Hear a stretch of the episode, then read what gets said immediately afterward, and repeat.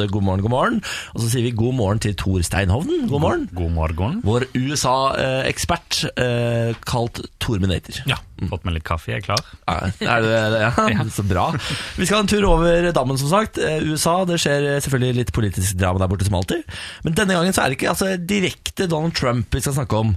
Det skal nomineres en ny høyesterettsdommer, og det er Brett Kavanaugh som er navnet alle snakker om om dagen. Eh, Tor, eh, hvordan nomineres høyesterettsdommere i USA? Altså Tradisjonelt sett så er det jo sånn at presidenten eh, foreslår en kandidat, som da skal godkjennes eh, både av Senatet sin eh, juridiske komité, eller justiskomité, før da hele Senatet skal stemme, nå med et enkelt flertall, på om de godtar den nominasjonen. Det har jo da de siste 20 årene utvikla seg til å bli litt mer et sirkus, som vi har sett de siste ukene. Eh, Og og det handler om veldig få stemmer for å få igjennom et navn. Ja. Eh, Og de dommerne sitter jo da på livstid, så det er ganske viktig for da enten demokrater eller republikanere å få på plass på en måte sin mann eller kvinne ja. på domstolen. Men er det sånn at på en måte, fire regnes som konservative og fire regnes som liberale, og så er det én på vippen? Er det, har det alltid vært sånn? Det på en har måte? absolutt ikke alltid vært Nei, sånn. Det ok. har, for det første har ikke det vært eh, ni dommere alltid. Det har endra seg opp og ned. Eh, men siden det er vel siden 1987 så har det vært en slags skjør balanse der du har hatt fire i hver leir, og så har du hatt denne bestemmer, da, eh, Anthony Kennedy. Og det er han som nå har gitt seg, og derfor er det òg blitt veldig viktig for eh, da republikanerne som nå har flertall i Kongressen, å få inn sin mann Brett Kavanaugh, for da kan de beholde et konservativt flertall. Ja, for Kennedy var konservativ. Ja. Ja, Men veldig konservativ? Litt konservativ? Eller er det sånn at vi vil ha en som er mer konservativ enn Kennedy var? Ja, altså det, det som er litt vanskelig med domstolen, er at det, det er litt forutsigbart at dommerne kommer til å stemme i en viss retning, men det er ikke alltid forutsigbart. Så det er okay. ikke sånn at de er demokrater eller republikanere. Eh, men jeg tror jo iallfall demokrater frykter det at nå vil man ha en litt ny situasjon, der man har et litt mer sikkert eh, ideologisk flertall til høyre enn man har hatt før. Hvorfor er det så viktig å ha flertall, da? I- Ja, altså, altså, I USA så er det jo litt annerledes med lovgivninger i den form av at mange av de veldig store sakene blir avgjort i Høyesterett, ikke i Stortinget, da, altså i den norske versjonen. Um, når det gjelder jo spørsmål som abort, uh, altså retten til å bære våpen, hvor brei ytringsfriheten skal være, det er veldig viktige spørsmål som har, eh, vil få betydning for veldig mange amerikanere. Så det sitter eh, ni idioter og bestemmer de viktigste lovene i USA. Korrekt. Ja, da er, det, da er det jo ikke så rart at det, blir, at det er såpass politisk prosess, da, fordi i Norge hører vi jo aldri om høyesterettsdommere, i hvert fall veldig sjelden. Da. Det er ikke noen, skal velge en ny høyesterettsdommer, så er det ikke fyr og flamme i avisene i Norge. Nei, jeg tror vel heller kanskje han nesten har motsatt problem med å finne høyesterettsdommere i Norge. Ja. Så det, det er litt annerledes her. Men i USA er det da blitt kanskje noe av det viktigste som, som skjer, eh, med jevne mellomrom. Men nå er det altså eh, maken til drama der borte. Eh, Brett Kavanaugh, gi oss en, eh, en- et kort sammendrag. Hva er det som har skjedd rundt nominasjonen av denne Brett? Ja, altså Anthony Kennedy ga seg i sommer, og republikanere har som sagt flertall til å få på plass ny dommer, så derfor var det på en måte sett på som litt sånn plankekjøring at Brad Kavanaugh skulle seile gjennom det her eh, og bli eh, nominert og godkjent, og skulle faktisk tiltre denne uka ifølge planene, så han skulle egentlig vært på jobb. eh, Ja. Eh, høringene gikk ganske bra, han var sett på som ganske kompetent, det hadde vært eh, dommer på USAs høyeste, nest høyeste ankedomstol, Em, hadde jobba for Bush, var vel på en måte likt både av Trump og de eliten i det republikanske partiet. Alt var bra? Alt var bra. Nærma seg avstemning. Ja. Og så eh, kom det da ei bombe fra Dan Feinstein, som er nestleder, demokrat, på justiskomiteen. Sa det at hun hadde blitt, eh, at det hadde kommet ei kvinne til henne fra hennes heimstat, California, og sagt at Brad Kavanaugh i 1982 eh, forsøkte å voldta henne på en fest. Og så var jo alt helvete løs. Ja.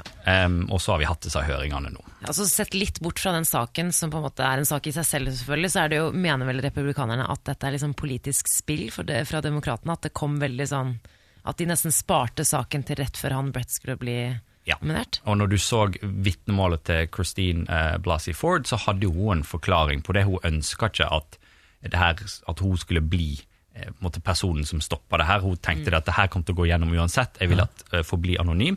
Til slutt så så hun at det gikk veien, og da bestemte hun seg for å tre fram. Men republikanerne mener at det er en annen versjon som Ja. egentlig skjedde. Vi har litt lyd av eh, Christine. I believed he was going to rape me. I tried to yell for help. When I did, Brett put his hand over my mouth to stop me from yelling. This is what terrified me the most and has had the most lasting impact on my life. It was hard for me to breathe, and I thought that Brett was accidentally going to kill me.